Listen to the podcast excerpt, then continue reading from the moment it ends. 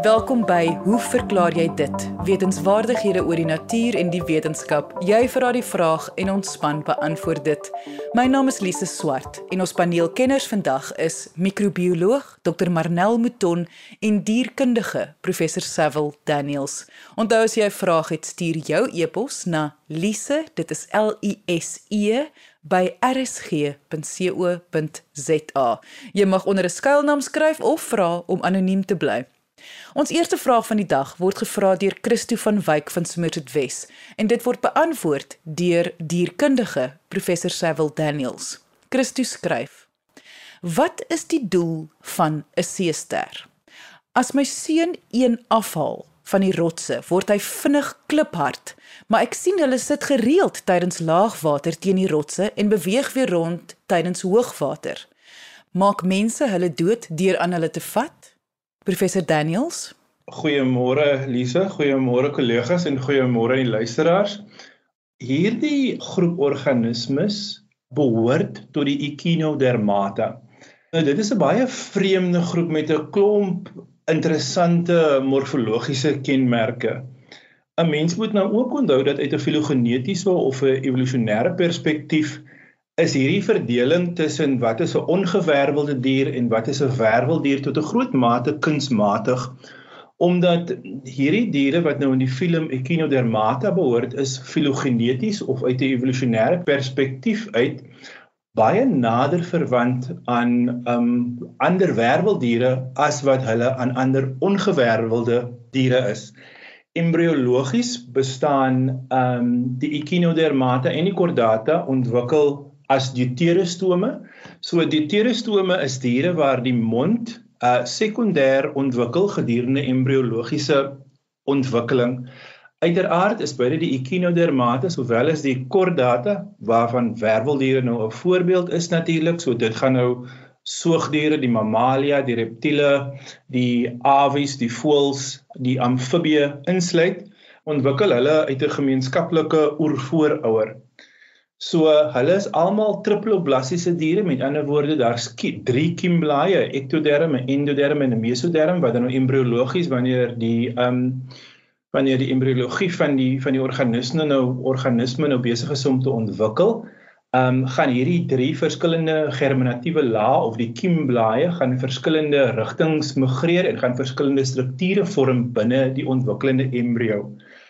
Maar kom ons kyk gou na die kenmerke binne die Echinodermata. Echino beteken gewoonlik steeksel of uitgroeisel en dermata beteken vel. 'n Mens kan nou dink as jy daar net dermatoloog toe gaan, dit is 'n spesialis van vel. So daar's gewoonlik by die Echinodermata waarvan seesterre 'n voorbeeld is, hierdie uitgroeisels of uitsteeksels wat deur die vel van die organisme gaan. Nou die kenmerke by hierdie uh, groep um diere is baie interessant. Hulle het 'n kalsiumkarbonaat endoskelet. Dit is ook ook die hoofsaaklike komponent wat 'n mens in 'n mens se been kry. 'n Endoskelet is natuurlik soos die naam aandui aan die binnekant in teenstelling byvoorbeeld met 'n exoskelet soos wat 'n mens by die geleedpotige diere sien, die arthropode waar die skelet aan die buitekant is en die spiere intern voorkom. Nog 'n interessante voorbeeld van die Echinodermata is byvoorbeeld dat daar geen kefalisasie is nie of daar's geen kopvorming by hierdie dier nie. Die sentrale senuweestelsel is redelik primitief. In die algemeen by die ehm um, deuterostome is daar gewoonlik bilaterale simmetrie. Met ander woorde, as jy nou die dier in die middel deursny, gaan jy twee spieelbeelde kry tot 'n groot mate. Maar by hierdie organismes is die dier pentaradiaal simmetries.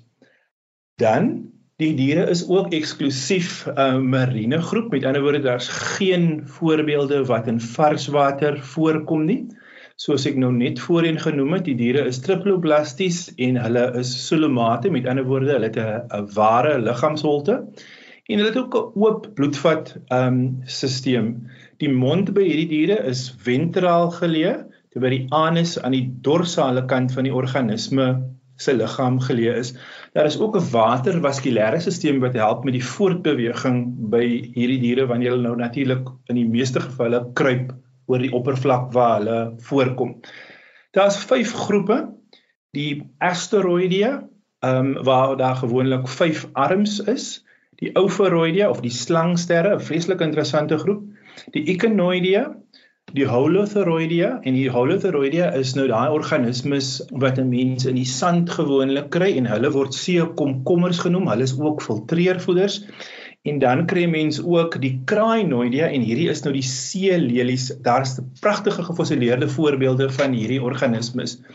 Nou wetenskaplikes beraam dat daar ongeveer 7000 bestaande spesies is wat al beskryf is en 13000 spesies wat al uitgesterf het. Met ander woorde, hierdie diere het 'n baie goeie fossiel rekord. Die ander baie of vreemde um, kenmerk by hierdie groep is dat die diere het die uh, potensiaal om hulle weefsel te regenereer. Met ander woorde, mense dink nou aan hierdie seester wat daar in die intergety sit. Dis nou hoogwater, daar kom 'n klipvisie verby. Hy byt aan die arm by ehm um, die seester, hy byt die arm af. Dan beweeg die seester weg. Die predator is nou ehm um, nie meer so honger nie, maar met tyd kan hierdie seesterre dan nou weer hulle arm byvoorbeeld genereer wat 'n baie interessante voorbeeld is. Nou in die algemeen soos die persoon nou vra hierso, wat is hulle funksie? Wel, baie van hierdie diere kom op rotse voor. Nou wanneer hulle daar op die rotse sit, is hulle in die algemeen maar nou um vreters van alle organismes wat dan nou essensieel op die rots sou voorkom. Met ander woorde, hulle help om die rotse skoon te hou en hulle hou dit gewoonlik skoon vir ander organismes wat dan nou kan kom sit op die rots en hulle larvale stadium op die rotse voltooi. Dan het ek ook voorheen gesê seekomkommers byvoorbeeld Hulle is filtreervoeders. Hulle soet sit ook gewoonlik daar langs die klippe in die intergety. Veral in die strand sien mense nogal baie van hulle. Die diere is in die algemeen baie kleurvol. Nou in die diereryk wanneer die diere baie kleurvol is, is dit ook gewoonlik 'n indikasie vir predatore om te sê luister, moenie aan my kou nie of my probeer eet nie.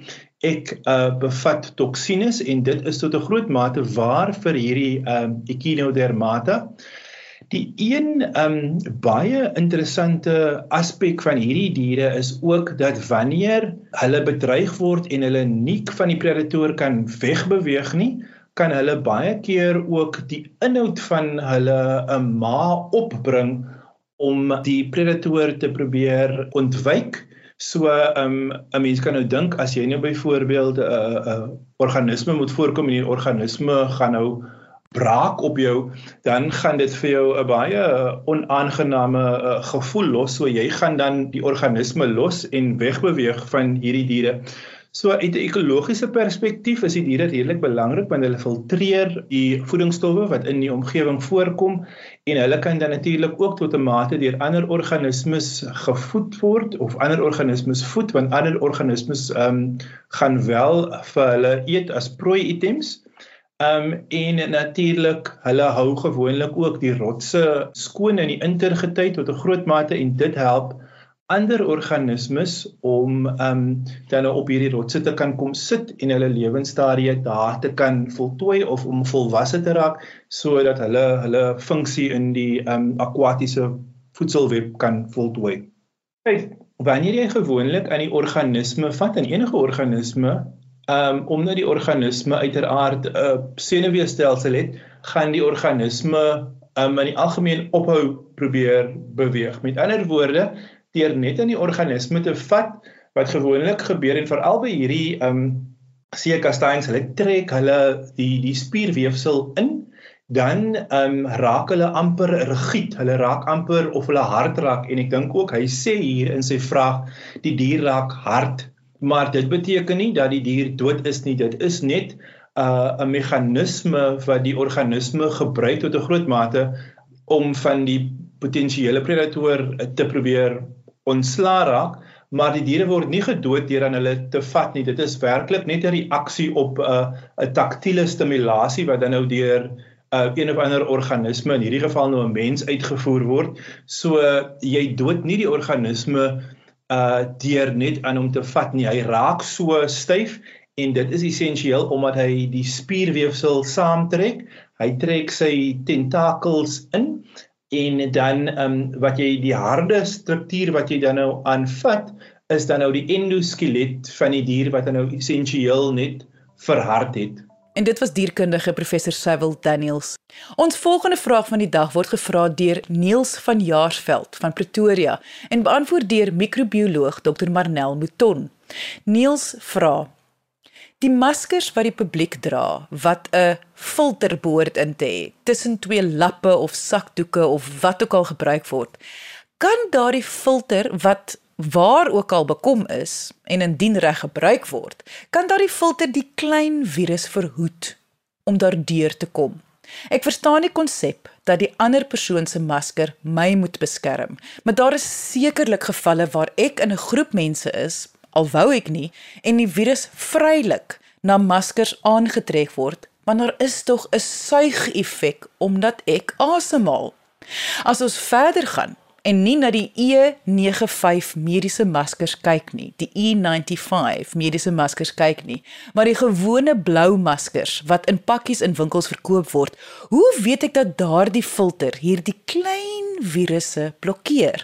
Al word daar gesê dit moet speekseldruppels keer, kan die virus sekerlik in die speeksel bly en ek haal vir ure deur daardie masker asem. Ek kan nie glo dat die filters wat so vrylik en relatief goedkoop is, nog fyner is as hierdie virus se grootte. Almal verkondig, dra 'n masker wat reg is, maar beskerm daai masker my regtig. Dr Meton Nou Dion begin sy epos weer met die aspek van die grootte of eerder hoe klein hierdie virus nou eintlik is, wat natuurlik baie relevant is wanneer ons praat oor die effektiwiteit van maskers. Nou net vir so 'n bietjie oriëntasie vir die luisteraars. 'n um, mikrometer of 'n mikron is gelyk aan 0.001 mm. Met ander woorde, 'n mikrometer is 'n duisendste van 'n millimeter. En om jou net so 'n bietjie te oriënteer, kleefplastiek of cling wrap is so 10 mikrometer dik. Nou daar is nog 'n een eenheid kleiner as 'n mikrometer en dit is 'n nanometer. En 'n nanometer is nou weer 'n duisendste van 'n mikrometer. So dit is bitter bitter klein. Nou koronavirusse is tipies tussen 160 en 200 nanometer groot of moet ek dalk eerder sê klein. Dis 0.2 mikrometer en kleiner. So ek verstaan waarom Dion hierdie vraag vra want 'n mens wonder nou oor die effektiwiteit van die masker vir so 'n klein entiteit soos 'n virus. Nou soos wat ons al tientalle kere gehoor het, is die mees algemene maniere van virusoordrag in die geval van COVID-19 deur middel van virusbelaaide aerosols en mikroskopiese druppeltjies wat tipies deur die neus en die mond van besmette verspreiders vrygestel word. Nou 'n aerosol se definisie is basies 'n oplossing van klein soliede of vloeistofpartikels in 'n gas. Met ander woorde, dit is amper soos 'n wolkie wat dan nou daar bly hang in die lug. In die algemeen word lugverspreide patogene, die Engelse term is miskien meer bekend airborne pathogens, word dan nou gevind in uitgeasemde mikroskopiese druppeltjies wat kleiner is as 5 mikrometer in deursnee. Ander lugverspreide patogene wat ons ook goed ken is die wat verkoue en griep veroorsaak, die wat waterpokkies, masels, kinkoes, pampoentjies en en so meer ehm um, veroorsaak. En dit is dan ook waarom hierdie siekte so erg aansteeklik is. Die meeste artikels rapporteer dat die SARS-CoV-2 virus in uitgeasemde deeltjies oorgedra kan word wat kleiner of groter as 5 mikrometer is. So, Jou masker moet jou beskerm teen hierdie uitgeasemde mikroskopiese druppeltjies wat genadiglik heelwat groter as die virus self is. Nou daar is 'n relatiewe hoë risiko van SARS-CoV-2 oordrag deur middel van hoes en nies wat nou natuurlik logies is, maar ook deur middel van gewone dinge soos praat.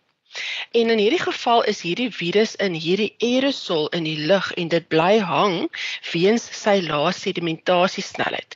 Met ander woorde, dit is nou hoe lank dit hierdie druppeltjies sal neem om af te sak grond toe. Dit verklaar dan ook die nodigheid van die handhawing van sosiale afstand van 2 meter of meer en dan ook die dra van hierdie gesigsmaskers. So hoe verder die afstand wat jy is van 'n besmette vers, verspreider, hoe kleiner is die relatiewe risiko om COVID-19 op te doen deur hierdie aerosol of die druppeltjies in die lug. Navorsing het bevind dat die gemiddelde emissies van normale spraak ongeveer 1000 druppeldeeltjies per sekonde is, maar het bevind dat dit kan styg tot so hoog as 10000 druppeldeeltjies per sekonde wanneer 'n mens nou harder sou praat of sing byvoorbeeld. Nog 'n studie het bevind dat jou kans om COVID-19 op te doen met ten minste 10% daal as jy 'n afstand van iemand af handhaaf um, van meer as 1 meter in teenstelling met 'n afstand van minder as 1 meter. Die Wêreldgesondheidsorganisasie het daarom die verklaring uitgereik dat druppeloordrag plaasvind wanneer 'n persoon in noue kontak gewoonlik binne 1 meter met 'n besmette persoon is en dan sodoende blootgestel raak en inokulasie van die toegangsroetes soos die mond en die neus en die oë sal dan plaasvind. Dit verklaar dan ook hierdie groot uitdaging om die oordrag van hierdie virus te beheer in binneshuise omgewings waar daar 'n aansienlike hoë risiko is vir virale blootstelling met die samekoms van soveel potensiële verspreiders en daar is natuurlik ook gewoonlik beperkte ventilasie en baie meer emissies in 'n klein beperkte ruimte. Nou daar is 'n aansienlike toename in die gepubliseerde artikels oor die dra van gesigmaskers wat betref die ontwerp, soos byvoorbeeld die materiaal, die aantal lae wat dit moet bevat en so aan. Ook die gemak van hierdie maskers, met ander woorde, hoe maklik dit is om asem te haal wanneer jy die masker dra en dan nou natuurlik die doeltreffendheid van respiratoriese vlak van beskerming. Die groot meerderheid van hierdie studies is egter gebaseer op waarnemings of laboratoriumstudies. En daar is natuurlik nie kliniese proewe gedoen nie weens etiese kwessies. Ons kan natuurlik nou nie 'n kontrolegroep hê wat nie maskers dra nie en kyk hoeveel van hulle word geïnfekteer nie. So daar is nog 'n bietjie van 'n gaping in die kennis hieroor, maar hulle vermoed dat in die nabye toekoms robuuste kliniese proewe oor hierdie onderwerp gedoen sal word. Jy luister na Hoe verklaar jy dit op RSG 100 tot 104 FM. So watse bewyse het ons dan nou dat die dra van maskers effektief is in die voorkoming van COVID-19? Nou daar is verskeie strome van bewyse dat maskers effektief is vir hierdie doel. Een kategorie bewyse kom van laboratoriumstudies van respiratoriese druppeltjies en die vermoë van verskeie maskers om hierdie druppeltjies te blokkeer. 'n Eksperiment wat hoëspoed video gebruik het, het bevind dat honderde druppeltjies wat wissel in grootte tussen 20 en 500 mikrometer gegenereer word wanneer 'n eenvoudige frase gesê word, met ander woorde deur middel van spraak. Maar byna al hierdie druppeltjies was geblokkeer toe die mond van die persoon deur 'n klam waslap bedek was. Nog 'n studie van mense wat griep of verkoue gehad het, het bevind dat die dra van 'n chirurgiese masker die hoeveelheid van hierdie respiratoriese virusse wat in druppels en aerosols vrygestel word, betekenisvol verminder. Maar die mees oortuigende bewyse ten gunste van die dra van maskers kom van studies oor werklike scenario's, met ander woorde epidemiologiese inligting. Een so 'n studie het die COVID-19 groeisyfers vergelyk voor en na die dra van maskers verpligtend gemaak is oor 'n hele aantal state.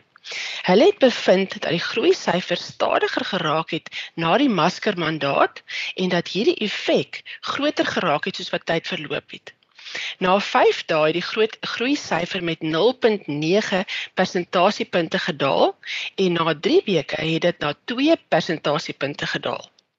'n Ander studie is gedoen oor 198 lande en dit het bevind dat die lande wat die dra van maskers in die publiek verpligtend gemaak het, veel laer sterftesyfers aangeteken het. Daar was ook 'n hele aantal gevalle studies aangeteken wat vir ons hieroor resultate gelewer het. In een so geval het 'n passasier met 'n droë hoes positief getoets nadat hy in Kanada aangekom het vir COVID-19. Hy het egter die hele tyd tydens die vlug sy masker gedra. En die 25 mense wat naaste aan hom gesit het, het nie een COVID-19 opgedoen nie. In 'n ander geval het twee haarkappers wat positief was vir COVID-19 sonder dat hulle dit geweet het, nabye kontak gehad met 140 kliënte. Maar hulle het egter die hele tyd hulle maskers gedra en nie een van die kliënte het positief getoets oor die tyd daarna nie. Goed, so as ons nou praat oor die effektiwiteit van maskers uh, en proewe wat daaroor gedoen is. Hieroor is heelwat navorsing gedoen tydens die afgelope jaar. Een studie het byvoorbeeld 14 verskillende tipes maskers bestudeer om die effektiwiteit te bepaal om die oordrag van respiratoriese druppeltjies te verminder tydens gewone spraak. Hulle het 'n toenemende effektiwiteit gevind met meer lae van dit katoen polipropyleen um, kombinasie en ook met meer plooitjies van hierdie maskers. In teenstelling het hulle gevind dat 'n bandana of 'n nekserp, 'n nekserp wat hulle ook 'n buff noem, baie min beskerming bied. Maskers met kleppies was ook bevind om minder effektief te wees as maskers sonder kleppies. Hulle het dus bewys dat die gebruik van maskers die oordrag van hierdie lugverspreide druppeloordrag beperk en dat die dat dit die draer sal beskerm teen hierdie gekontamineerde druppeltjies. Maar hierdie studie het ook bewys dat die druppeltjies versprei rondom die area waar deur die masker bedek is en dat dit natuurlik dan nou ook die masker aan die buitekant kontamineer. En dit bring ons dan nou weer by hierdie ander maatreëls wat jy moet handhaaf soos byvoorbeeld 'n sekere afstand van 'n persoon of om jou hande gereeld te saniteer. Mens moet ook onthou om jou masker korrek af te haal deur hierdie oorbandjies die die masker aan die oorbandjies te hanteer en nie aan die masker self aan die buitekant te vat nie en indien dit 'n materiaalmasker is, dit natuurlik dadelik weer te was. Nou ietsie oor die effektiwiteit van materiaal in teenstelling met chirurgiese maskers. Een studie het gekyk na die effektiwiteit van maskers deur na respiratoriese druppelverspreiding te kyk in 'n gemiddelde grootte slaapkamer en ook in 'n motor met lugreëling van pasiënte wat positief was met COVID-19. Hulle het gevind dat 'n 3-laag katoenmasker soortgelyk was in effektiwiteit as die wat chirurgiese maskers gedra het. Die studie se gevolgtrekking was dat die katoenmaskers goeie beskerming bied en meer nog, hulle is natuurlik wasbaar en kan weer en weer gebruik word. 'n Ander studie het bevind dat materiaalmaskers 62 tot 87% beskerming bied teen klein respiratoriese druppeltjies en dat die chirurgiese maskers beskerming van 78.2% bied. Die N95 masker wat Dion genoem het, blokkeer 99.6% van hierdie druppeltjies. Die studie se gevolgtrekking was dat die effektiwiteit van materiaalmaskers totaal onderskat word as beskerming teen COVID-19 en dat die dra daarvan baie nuttig is om die pandemie te beveg. En alhoewel chirurgiese maskers natuurlik ook goeie beskerming bied, dra hulle ongelukkig wêreldwyd wyd by tot die enorme vulliskrisis wat alreeds astronomiese proporsies aanneem. So om af te sluit.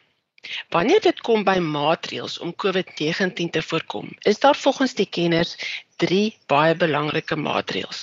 En die eerste daarvan is die dra van 'n masker en dan is dit natuurlik die behoorlike dra van 'n masker en die regte hantering daarvan. Tweedens is dit die was of die sanitering van jou hande en derdens die hou van sosiale afstand.